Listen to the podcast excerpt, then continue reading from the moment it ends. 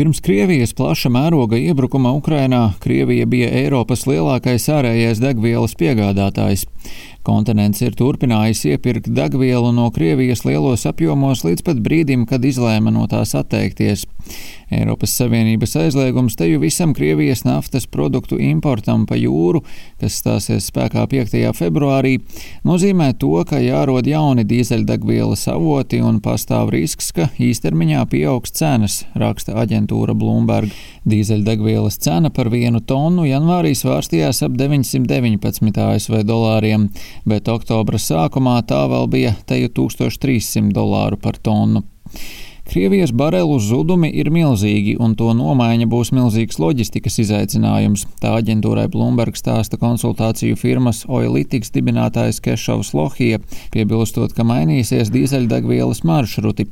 Pagaidām naftas tirgos ir maz tūlītēju panikas pazīmju, un nākamo nedēļu galvenais jautājums ir, cik veiksmīgi izdosies pārveidot dīzeļdegvielas plūsmu maršrutus pasaulē.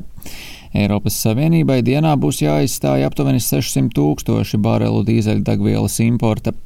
Sūtījumu apjoms uz Eiropas Savienību no Amerikas Savienotajām valstīm un Indijas jau ir pieaudzis, jo tās ražo vairāk nekā patērē, ļaujot eksportēt savus pārpalikumus.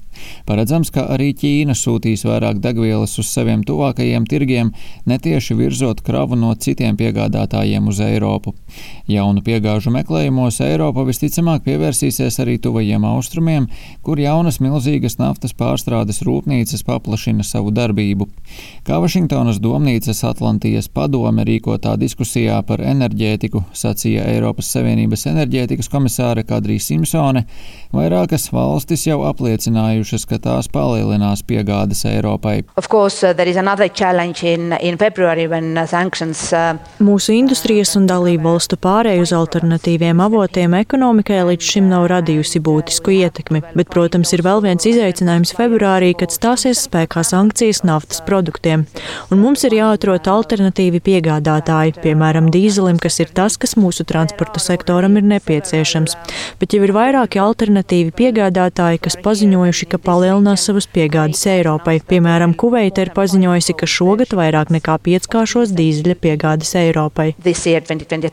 Jau tagad ir skaidrs, ka arī šīs sankcijas nebūs pilnībā efektīvas perspektīvas, proti Indija, kas ir liels degvielas avots Eiropai, kopš kara sākuma ir kļuvusi par vienu no lielākajiem Krievijas jēlnaftas pircējiem, ko tā pērk ar atlaidi.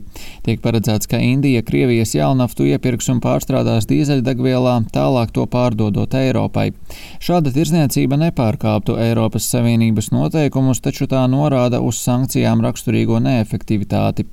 Tikmēr Krievijai Eiropas Savienības noteiktās sankcijas naftas produktu importam nozīmē to, ka Maskavai būs jāatrod jauni pircēji šīm piegādēm, jāuzglabā degviela kuģos vai jāsamazina ražošana savās pārstrādes rūpnīcās. Aģentūra Bloomberg raksta, ka starp Maskavas jaunajiem vai lielākiem pircējiem būs tirgotāji Āfrikā, Latīņamerikā un iespējams arī Āzijā. Taču konsultāciju kompānija Energy Aspects lēsusi, ka Krievija varēs atrast pircējus tikai aptuveni trešdaļai tās dīzeļdegvielas eksporta un ka pārējais būs jāpatur mājās. Rihards Plūme, Latvijas radio.